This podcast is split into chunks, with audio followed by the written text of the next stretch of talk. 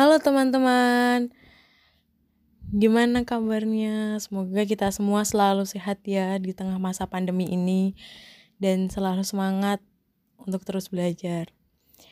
Oke, balik lagi nih sama aku, Klanis. Pada hari ini kita akan membahas tentang kelitih. Teman-teman tahu gak sih apa itu kelitih? Kalau belum tahu, pas banget nih kita dengerin podcast kita yang akan mengupas tuntas tentang kelitih yang akan dibacakan atau disampaikan oleh kakak-kakak kita yang cantik-cantik. Sebelum kita apa melanjutkan membahas tentang kelitih, gimana kalau kita perkenalan dulu sama kakak-kakaknya. Yang pertama ada Kak Ingrid, Kak Andayu, Kak Yanti, sama Kak Niki. Oke, tan tanpa bertele-tele lagi, kita lanjut aja ya dan kita mulai aja ya pembahasan tentang kelitih ini biar teman-teman langsung tahu apa sih kelitih itu. Oke? Oke, kita mulai. Selamat mendengarkan. Assalamualaikum warahmatullahi wabarakatuh. Salam sehat teman-teman. Apa kabar semuanya? Semoga kita semua dalam keadaan baik-baik saja ya. Walaupun di masa pandemi ini tentunya aktivitas tidak selancar biasanya. Ada yang sibuk kuliah online, ada yang sibuk eh, belajar mungkin di sekolah. Tetapi semangat kita tidak boleh surut ya teman-teman, terus berkaya dan tetap tersenyum hari ini. Oke, uh, sebelumnya perkenalkan saya Ingrid Safitri Rumaru, Uh, saya sedang belajar di jurusan psikologi Universitas Mercubuana Yogyakarta. Uh, sekilas tentang saya, saya memilih jurusan psikologi ini dengan alasan yang mungkin sederhana, yaitu saya sedang mendengarkan. Saya betah untuk lebih observasi daripada banyak bicara sebenarnya. Tapi pada kesempatan ini kelihatannya saya akan banyak bicara di sini. Oh iya, saya senang mendengarkan kisah dan cerita karena bagi saya Segala kisah dan cerita manusia lain tersimpan banyak nilai-nilai kehidupan untuk mendewasakan kita dan membantu kita dalam memahami posisi orang lain. So, mendengar kayak itu menyenangkan bagi saya. Jadi semoga teman-teman juga betah ya mendengarkan sedikit ocehan saya di podcast kali ini. Oke, kali ini saya dan tim uh, bertujuan untuk berbagi dengan teman-teman mengenai suatu fenomena pada remaja yang uh, ya sudah cukup uh, merasakan sih sebenarnya. Jadi uh, pada kali pada saat ini uh, kami akan berbagi sedikit uh, apa ya berbagi tentang fenomena teliti ini tentang data-data empiris yang kami dapatkan kemudian tentang beberapa kasus dan curhatan mantan pelaku keliti dan bagaimana sih kita untuk bisa mengontrol agar tidak terlalu cemas nih dalam menghadapi uh, situasi keliti ini. Uh, jadi berdasarkan data lapangan terkait dengan kasus keliti, catatan kejahatan jalanan atau yang disebut dengan keliti yang terjadi sepanjang tahun 2019 hingga awal 2020 mayoritas pelaku masih berstatus pelajar di bawah umur. Peran keluarga dan sekolah menjadi sorotan. Kapolda Yogyakarta, Inspektur Jenderal Polisi Irjen Pol Asep Suhendar memaparkan data kasus keliti. Jadi dari tahun 2019 hingga Januari 2020 tercatat ada 40 kasus yang dikategorikan sebagai kasus keliti. Nah, lebih rinci ia memaparkan 35 kasus terjadi sepanjang tahun 2019 dan 5 kasus lainnya terjadi pada Januari 2020. Jadi total kasus tersebut eh, 40 kasus dengan 81 pelaku yang telah ditangkap. 57 orang berstatus pelajar. Wah banyak juga ya. Ternyata dan kurang lebih 70% pelakunya itu pelajar. Nah, secara lebih khusus dalam diskusi tersebut juga dipaparkan data kejadian dan jumlah sekolah yang rawan kekerasan pelajar di Yogyakarta. Jadi sepanjang tahun 2017 itu pada ada total 51 kasus kekerasan yang melibatkan pelajar Nah, di tahun berikutnya yaitu tahun 2018 terdapat 45 kasus. Sedangkan pada 2019 terdapat 44 kasus. Nah, berita ini kami ambil dari uh, tirto.id yang ditulis oleh Irwan Syamsuddin 6 Februari 2020. Nah, di sini juga ada uh, cerita dari mantan pelaku kelitih. Dia mengungkapkan bahwa uh, saat diwawancarai dia bercerita dari pengakuannya ini menjadi seorang geng motor berawal dari hutang budi karena ditolong kakak kelasnya saat dia pernah dikeroyok pelajar di sekolah lain. Nah, setelah menjadi korban, ia kemudian menceburkan diri menjadi geng pelajar di sekolahnya. Dalam geng tersebut berisi 30 orang siswa kelas 1. Mereka dites mental dan fisiknya agar dapat menjaga kehormatan sekolah dan gengnya. Mereka juga diajari cara metode kelitih ke lawannya. Nah, target mereka jarang sekali menggunakan senjata tajam. Oh, target mereka tuh hanya anggota geng yang menjadi musuh lawannya aja. Selain itu tidak gitu. Cerita si mantan pelaku keliti tadi. Terus dia menjelaskan juga mereka tuh jarang sekali menggunakan senjata tajam katanya. Jikapun menggunakan itu hanya untuk menakuti lawan saja. Nah mereka punya tujuan nih tentunya. Tujuan dari keliti ini hanya untuk menunjukkan eksistensi geng saja gitu biasa pada tahapan remaja ini uh, usia yang sangat rawan untuk mencoba-coba segala sesuatu dengan tujuan itu dia ingin menunjukkan eksistensi dirinya di kelompoknya dia gitu. Juga untuk mengangkat nama geng gitu. Kayak suatu kebanggaan ketika dia menjadi pahlawan di gengnya agar semakin ditakuti dan disegani oleh musuh kita telah melihat beberapa uh, fenomena tentang kasus keliti ya tentang uh, begitu tinggi angka kasus keliti di uh, Yogyakarta. Kemudian yang terlibat adalah pelajar juga dan lumayan banyak. Serta mereka mempunyai uh, visi misi juga nih dalam melakukan keliti wah mereka punya tujuan juga dalam bergabung dengan geng keliti ini. Nah pasti teman-teman uh, udah pada tahu apa itu kelitih ya kan? Nah tapi di sini saya mau mengulas lagi tentang apa itu kelitih. Dalam bahasa Jawa kelitih bermakna suatu aktivitas mencari angin di luar rumah atau keluyuran.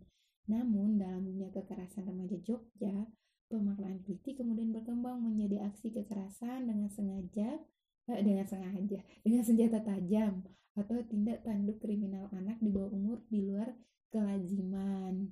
Nah, perilaku keliti yang dilakukan termasuk dalam kategori kenakalan remaja dan tergolong pelaku menyimpang.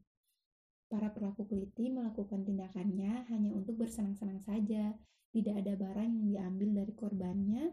Mereka melakukan pengejaran, pelemparan batu maupun pembacokan kepada orang yang tidak dikenal tanpa motif apa pun. Nah, ini miris ya tanpa motif apa pun tetapi mereka tetap melakukan aksinya itu melakukan pelamparan, pembacokan dan pengajaran. Wow. Remaja di usianya memiliki sebuah pemaknaan mengenai siapa dirinya dan yang membedakan dengan orang lain. Jadi remaja itu sedang tahap untuk mengenali uh, siapa saya. Jadi di masa inilah uh, dia membentuk suatu pemaknaan mengenai siapa dirinya yang bisa membedakan dia dengan orang lain. Nah, dia melakukan eksplorasi mengenai dirinya dimulai dari pemahaman tentang dirinya. Jadi remaja itu sering kali bertanya siapa saya, uh, apa fungsi saya di kelompok ini gitu, apa yang bisa saya lakukan, apa yang membuat saya berbeda dan unik dari yang lain gitu, bagaimana eksistensi saya di kelompok ini gitu.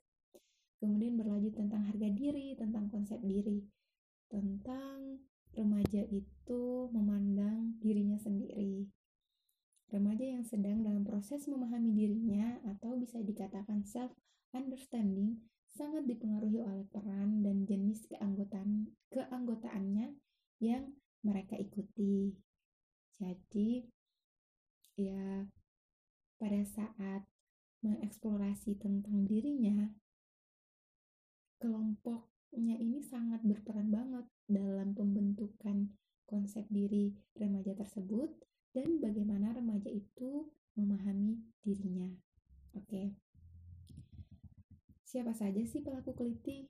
Itu ada pada remaja uh, usia 16 sampai 19 tahun dengan latar belakang latar belakang motif yang beragam sebenarnya. Nah, untuk lebih memahami uh, kenapa sih uh, kejahatan itu banyak dilakukan oleh remaja gitu ya. Nah, kita kenali dulu nih ciri-ciri remaja. Masa remaja sebagai periode peralihan. Kemudian masa remaja juga sebagai periode perubahan. Nah, tadi dikatakan periode peralihan yaitu uh, di mana dia mulai mengalami uh, peralihan dari masa anak-anak kemudian remaja dan dewasa. Nah, remaja ini masa di tengah-tengahnya nih di mana dia masih uh, membentuk uh, konsep dirinya gitu. Jadi, peralihan dari anak-anak ke dewasa, dia berada di tengah-tengah, maka dikatakan sebagai periode peralihan. Terus masa perubahan, jelas ya perubahan ini terjadi pada remaja tuh sangat e, terlihat sekali, apalagi perubahan pada fisik. Dan kita semua sudah mengalami e, perubahan secara fisik dan juga psikis ya. E, ketika seorang remaja perempuan misal mengalami perubahan fisik, dia pasti akan fokus kepada perubahan fisiknya bahkan ketika perubahan fisiknya berbeda dengan teman-teman lainnya, itu bisa membentuk lagi konsep dirinya yang seperti apa apakah dia menjadi percaya diri ataupun bahkan dia uh, menjadi insecure gitu dengan perubahan pada tubuhnya itu maka pada masa remaja ini uh, sangat rentan terjadi uh, apa ya penilaian tentang dirinya sendiri karena perubahan yang terjadi tersebut gitu nah masa remaja juga dikatakan sebagai usia bermasalah. Wah, kenapa bermasalah ya? Ya karena itu tadi mereka masih pada tahap uh, mengeksplorasi dan bertanya-tanya siapa diri saya gitu. Jadi pada masa ini mereka akan uh, lebih mudah dan cenderung untuk mencoba eh, hal-hal yang menurut mereka mereka bisa menemukan sesuatu dari situ gitu dan mereka bisa menunjukkan eksistensi diri mereka.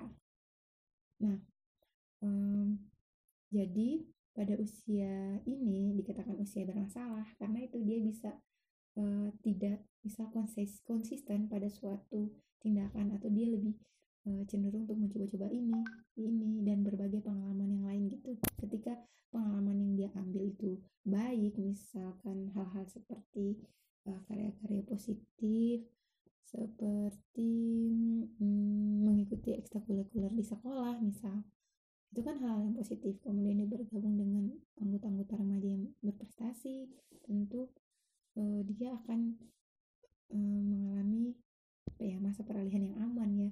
Tapi uh, ada juga kecenderungan untuk uh, mencoba-coba hal yang baru gitu ingin mencoba-coba dan menemukan suatu makna tentang dirinya. Nah kemudian masa remaja juga sebagai masa pencarian identitas yang tadi yang dia sedang mencari uh, tentang siapa dirinya. Kemudian bagaimana sih dia memahami tentang dirinya sendiri gitu self understanding tadi gitu nah masa remaja sebagai masa yang tidak realistik. Iya jadi uh, masih belum terlalu realistik dalam memandang suatu persoalan yang uh, dihadapi oleh remaja tersebut. Nah setelah kita jadi teman-teman setelah kita memahami tentang oh begitu ya ciri-ciri remaja gitu. Maka dengan itu eh, mereka juga sebenarnya mempunyai tugas perkembangan remaja eh, yaitu menerima perubahan fisiknya. Nah jadi tugas ketika terjadi perubahan maka tugas dari seorang remaja adalah menerima perubahan fisiknya. Kedua mencapai kemandirian emosional. Ketiga, mengembangkan keterampilan komunikasi. Nah, di sini nih mulai untuk membangun komunikasi yang baik gitu dengan teman-teman, dengan orang tua. Itu salah satu tugasnya juga gitu. Terus memperkuat self control. Nah, self control ini uh, si remaja uh, mampu untuk melihat mana kegiatan yang sebenarnya baik untuk perkembangannya dia untuk menentukan konsep dirinya dia dan uh, dia juga bisa tahu mana uh, kelompok yang sebenarnya tuh merugikan bagi dia gitu dan membentuk konsep diri yang seperti apa. Nah, memperkuat self control tuh di sini dia bisa membedakan mana uh, yang seharusnya dia lakukan dan yang seharusnya ditinggalkan gitu. Itu tugas perkembangan remaja. Terus dapat menyesuaikan diri. Nah, Ketika seorang remaja melakukan eksplorasi tentang dirinya, siapa dirinya, nah di sinilah dia dituntut untuk uh, dapat menyesuaikan dirinya dengan lingkungan tempat dia berada. Seperti itu. Hmm, jadi uh, ternyata uh, banyak faktor ya yang bisa membuat kita lebih memahami lagi uh, tentang kecenderungan remaja dalam memilih pentingnya remaja dalam memilih uh, kelompoknya dan proses dalam memahami dirinya serta bagaimana dia melakukan eksplorasi mengenai diri dan mulai memahami dirinya ini sangat tergantung pada jenis keanggotaan keanggotaan yang diikuti oleh remaja tersebut. Tentunya kita semua akan bertanya-tanya lantas apa sebenarnya sih faktor yang menyebabkan remaja tuh terlibat uh, kritik gitu ya. Nah, akan di uh, dijelaskan dan di eksplor lagi oleh teman saya mengenai faktor penyebab remaja terlibat kelitih, kecemasan, serta hal-hal apa saja yang bisa kita lakukan untuk e, mengatasi kecemasan tersebut. Oke, terima kasih teman-teman. Hai teman-teman, saya Andayam Gusa. Uh, saya sedikit membahas uh, tentang apa itu kecemasan. Kecemasan adalah respon individu terhadap situasi-situasi yang menakutkan. Dan pada kecemasan muncul, di situlah makna eksistensi seseorang terganggu atau terancam. Sebagai hasil ketidakmampuan fisik, konflik intrapsikis, dan peristiwa yang sulit didefinisikan. Misalnya saat Anda cemas, jantung Anda akan berdebar lebih kencang. Telapak tangan mudah berkeringat, Anda sulit berkonsentrasi dan sering buang air kecil. Nah, itu saja uh, jelasan dari kecemasan. Assalamualaikum warahmatullahi wabarakatuh Hai teman-teman Apa kabar kalian? Semoga selama pandemi ini Kalian sehat semua ya. Saya Anda UM Gusa. Uh, Sebelumnya teman-teman saya yang lainnya sudah menjelaskan apa itu keliti, siapa saja pelaku keliti, dan di sini saya akan membahas uh, faktor penyebab remaja yang terlibat keliti. Dan ada beberapa faktor uh, yang mempengaruhi mereka dalam melakukan keliti.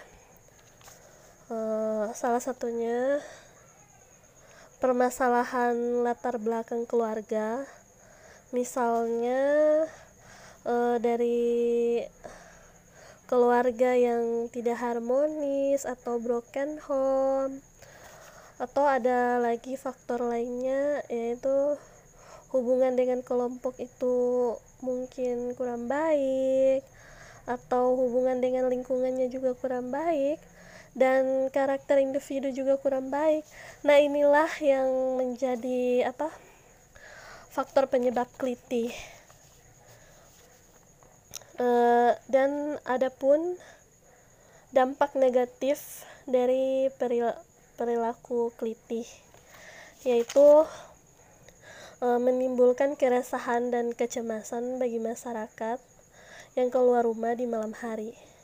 Dan ada juga yang menyebabkan trauma yang berkepanjangan dan mengganggu kesenjangan sosial dan bahkan dapat menyebabkan luka parah bahkan kematian dan juga dapat menurunkan kualitas anak penerus bangsa Indonesia. Nah, itu dia tadi uh, penyebab uh, penyebab kelitih dan dampak negatif dari perilaku kelitih. Terima kasih. Halo, saya Niki Novitasari. Di sini saya akan memaparkan bagaimana mengatasi kecemasan karena kelitih. Yang pertama yaitu menghindari keluar rumah di malam hari sendirian atau bisa dengan ditemani oleh keluarga, saudara, atau sahabat. Jangan melewati daerah yang sepi, lewati daerah yang ramai orang. Selalu berpikir positif. Adapun teknik relaksasi untuk mengatasi kecemasan, Eh, berikut ini beberapa teknik relaksasi sederhana yang dari seorang psikolog bernama Yoana Teolia Enji Yesika, Master Psikologi Psikolog. Teknik yang pertama yaitu teknik relaksasi pernapasan. Relaksasi pernapasan adalah cara yang paling cepat dan mudah mengatasi kecemasan. Cara melakukannya adalah dengan menarik nafas panjang, lalu menghembuskannya secara perlahan melalui mulut seperti hendak meniup balon. Lakukan teknik ini dengan ritme yang stabil. Nah, sambil melakukan ini, bayangkan rasa cemas yang tertahan dalam tubuh Anda mengalir keluar seiring hembusan napas dan Ketenangan akan masuk seiring Anda menghirup napas. Teknik yang kedua yaitu relaksasi otot. Teknik relaksasi otot dilakukan dengan mengencangkan kelompok otot tertentu selama 5 10 detik. Kemudian melepaskannya secara perlahan. Selama melakukan teknik relaksasi otot, tetaplah berlap bernapas teratur seperti biasa. Berikut ini adalah teknik relaksasi otot yang dapat dilakukan sesuai letak otot. Otot yang pertama yaitu otot dahi dengan menaikkan alis setinggi mungkin. Otot yang kedua yaitu otot mata dengan menutup mata rapat-rapat. Otot selanjutnya yaitu otot mulut dan pipi dengan tersenyum selebar mungkin. Kemudian otot leher dengan mendongakkan kepala sejauh mungkin. Otot bahu dengan menaikkan bahu setinggi mungkin. Otot perut dengan menarik perut ke arah dalam. Otot tangan dengan mengemparkan tangan erat-erat. Otot kaki dengan menarik jari kaki ke arah tulang kering. Teknik relaksasi otot ini dinamakan progressive muscle relaxation. Jangan lupa untuk memberi jeda 5-10 detik sebelum berpindah ke otot yang lain. Bila Anda merasa sakit atau kurang nyaman, hindari menegangkan otot terlalu kencang. Kedua teknik relaksasi tersebut dapat dilakukan secara berurutan, yaitu dengan melakukan teknik relaksasi pernapasan terlebih dahulu, lalu, lalu dilanjutkan dengan teknik relaksasi otot. Teknik relaksasi juga dapat dilakukan secara rutin untuk mengatasi kecemasan, misalnya sebelum beraktivitas, sebelum tidur, atau bahkan di sela-sela aktivitas. Jika kedua teknik relaksasi tersebut tidak dapat meredakan kecemasan, atau jika kecemasan yang Anda rasakan sudah mengganggu aktivitas, jangan ragu untuk berkonsultasi dengan psikolog atau psikiater agar dapat diberikan penanganan secara khusus. Demikian dari saya. Terima kasih. Halo teman-teman, kembali lagi sama saya Haryanti. Di sini saya akan memaparkan bagaimana sih cara menghindari pergaulan kliti, kliti yang lagi marak-maraknya dan gak asing lagi nih teman-teman. Nah sebelumnya tadi sudah dijelaskan oleh teman-teman saya apa itu kliti, ada beberapa kasus kliti yang terjadi, dan bagaimana sih cara mengatasi kecemasan seseorang terhadap kliti. Nah, jadi teman-teman, dari beberapa analisis yang dilakukan nih oleh media massa, terutama dari pengakuan pelaku nih teman-teman, tindakan keliti dilakukan oleh remaja yang berlatar belakang keluarga yang mengalami kegagalan teman-teman. Terutama nih keluarga yang broken home. Nah, remaja-remaja tersebut melakukan tindakan ini untuk mencari jati dirinya teman-teman dengan cara ikut-ikutan yang mudah dipengaruhi oleh kakak kelas atau alumni yang telah melakukan tindakan keliti ini. Jadi untuk itu teman-teman, bagaimana sih cara kita untuk menghindari pergaulan keliti ini? Nah, nih poin terpenting adalah pengawasan dari orang tua teman-teman.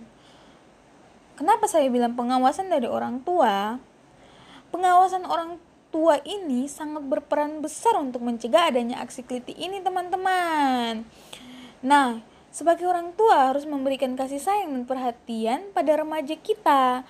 Faktanya bahwa di balik maraknya tindakan keliti ini kurangnya perhatian orang tua teman-teman. Nah, untuk itu perhatian dan kasih sayang orang tua akan menjadi kontrol. Nah, poin kedua, sebagai orang tua, kita harus mengetahui kegiatan, aktivitas seharian anak. Apa yang anak kerjakan hari ini, kita harus tahu. Dan poin ketiga, kita sebagai orang tua harus bekerja sama dan berkomunikasi baik dengan pihak sekolah. Jadi, sebagai orang tua, kita bisa mengetahui perkembangan anak di sekolah melalui wali kelasnya. Kemudian, kemudian nih teman-teman. Nah, Bagaimana sih cara kita terhindar dari pergaulan keliti ini? Kita sebagai remaja, kita harus melakukan hal-hal yang positif. Ya, adanya mengikuti organisasi atau komunitas yang bermanfaat seperti komunitas fotografi, komunitas pecinta alam, dan masih banyak sih komunitas yang mengajarkan hal-hal yang positif Kedua, kita mengikuti perlombaan atau kompetisi. Jadi nih teman-teman, setiap ada perlombaan atau kompetisi, kita harus antusias untuk mengikutinya. Dan mempererat hubungan keluarga. Ya, harus kita harus mempererat hubungan kita sama keluarga. Dan kita harus bergaul dengan orang-orang baik. Itu paling penting sih. Semangat ya teman-teman. Hai teman-teman, apa kabarnya? masih semangat ya uh, semoga selalu sehat semoga selalu sehat uh, ada pepatah kata yang meng mengatakan tak kenal maka tak sayang oke. Perkenalkan nama saya Lestari Eka Putri. Di sini saya akan menyampaikan kesimpulan dari pembahasan atau pemaparan yang disampaikan teman-teman sebelumnya. Baik, dalam Kamus Bahasa Jawa, kata keliti tidak berdiri tunggal, tetapi merupakan kata ulang, yaitu kelitah dan kelitih. Sedangkan kata kelitah kelitih itu dimaknai sebagai perjalanan bolak-balik agak kebingungan ataupun sebagai suatu aktivitas mencari angin di luar rumah atau keluyuran. Di sini sama sekali tidak ada unsur kegiatan negatif di sana. Namun, kini pemaknaan kelitih berkembang sebagai aksi kekerasan dengan senjata tajam atau tindakan kriminal yang dilakukan oleh sekelompok remaja.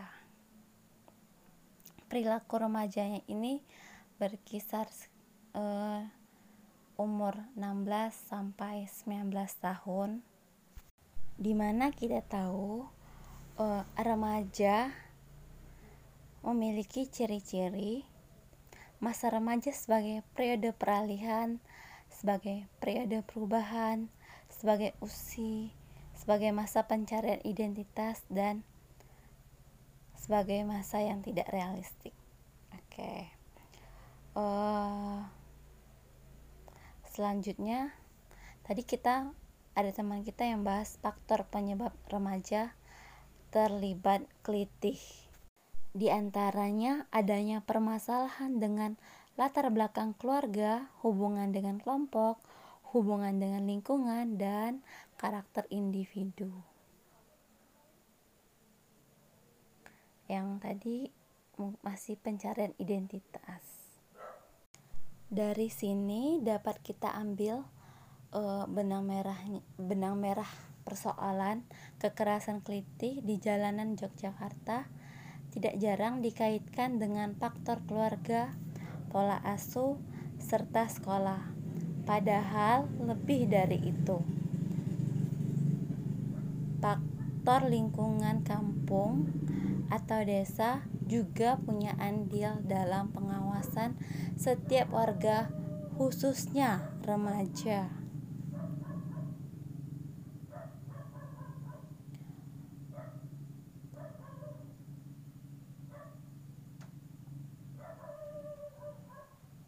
untuk menghadapi persoalan persoalan ini adanya tanggung jawab bersama tidak hanya sekolah melainkan desa atau kelurahan, pedukuhan hingga RT dan RW juga turut dilibatkan dalam pengawasan terhadap remaja. Selain itu, eh, apa penanaman nilai-nilai agama dalam keluarga itu sangat penting.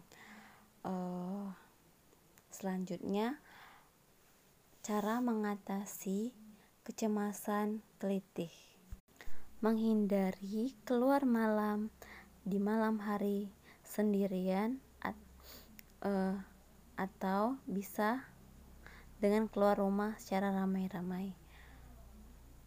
Jangan melewati daerah yang sepi. Carilah daerah yang ramai orang. Selalu berpikir positif, melakukan teknik relaksasi untuk mengatasi kece kecemasan, yaitu melakukan teknik relaksasi pernapasan dan teknik pernapasan otot yang telah disampaikan oleh teman kita tadi. Selanjutnya, agar terhindar dari pergaulan keliti serta pencegahan agar tidak menjadi korban keliti, yaitu mengikuti organisasi atau komunitas yang bermanfaat. mempererat hubungan baik dengan keluarga, bergaul dengan orang yang baik, uh, dan selalu dan mempererat hubungan kita sama Tuhan, yaitu dengan apa? mempelajari ilmu agama sesuai agama yang kita anut. Selain itu, usahakan supaya pulang tidak larut malam.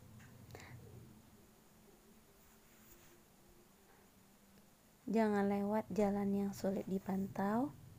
Usahakan jangan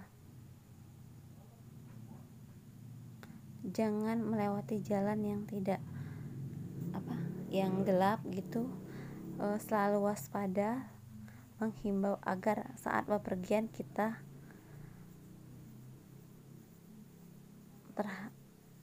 menghindari dari kekerasan ini waspadanya itu ketika ada kendaraan di belakang yang mengikuti kita lama uh, usahakan untuk berhenti di tempat keramaian supaya terhindar dari kekerasan keliti.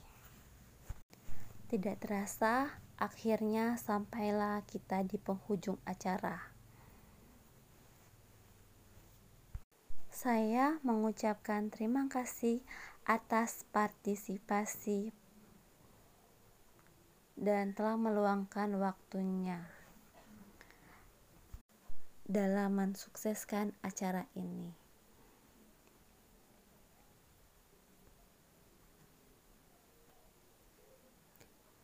Saya selaku pembawa acara ingin menyampaikan permintaan maaf apabila dalam acara ini terdapat salah kata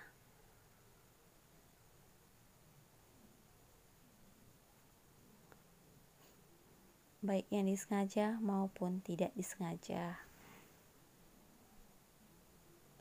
Uh, saya akhiri. Wabillahi taufik wal hidayah. Wassalamualaikum warahmatullahi wabarakatuh. Terima kasih teman-teman dan sukses selalu